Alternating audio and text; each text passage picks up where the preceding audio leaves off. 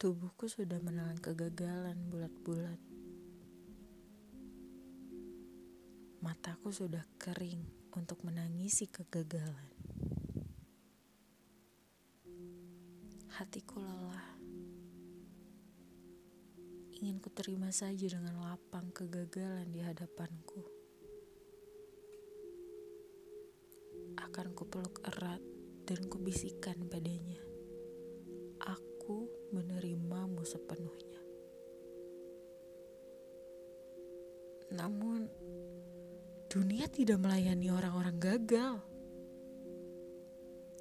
Di tanah ini, dilarang keras berbuat kesalahan. Mengapa? Kenapa tidak boleh gagal? Aku tahu kegagalan memang menyakitkan, hancur bahkan sulit untuk dibayangkan. Lalu, mengapa kita dipaksa untuk terus berlari menjauhi kegagalan? Menolak keras menerima dengan ikhlas bahwa diriku telah gagal.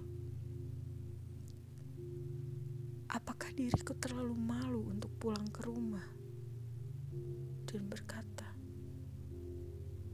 "Ibu, maafkan anakmu gagal.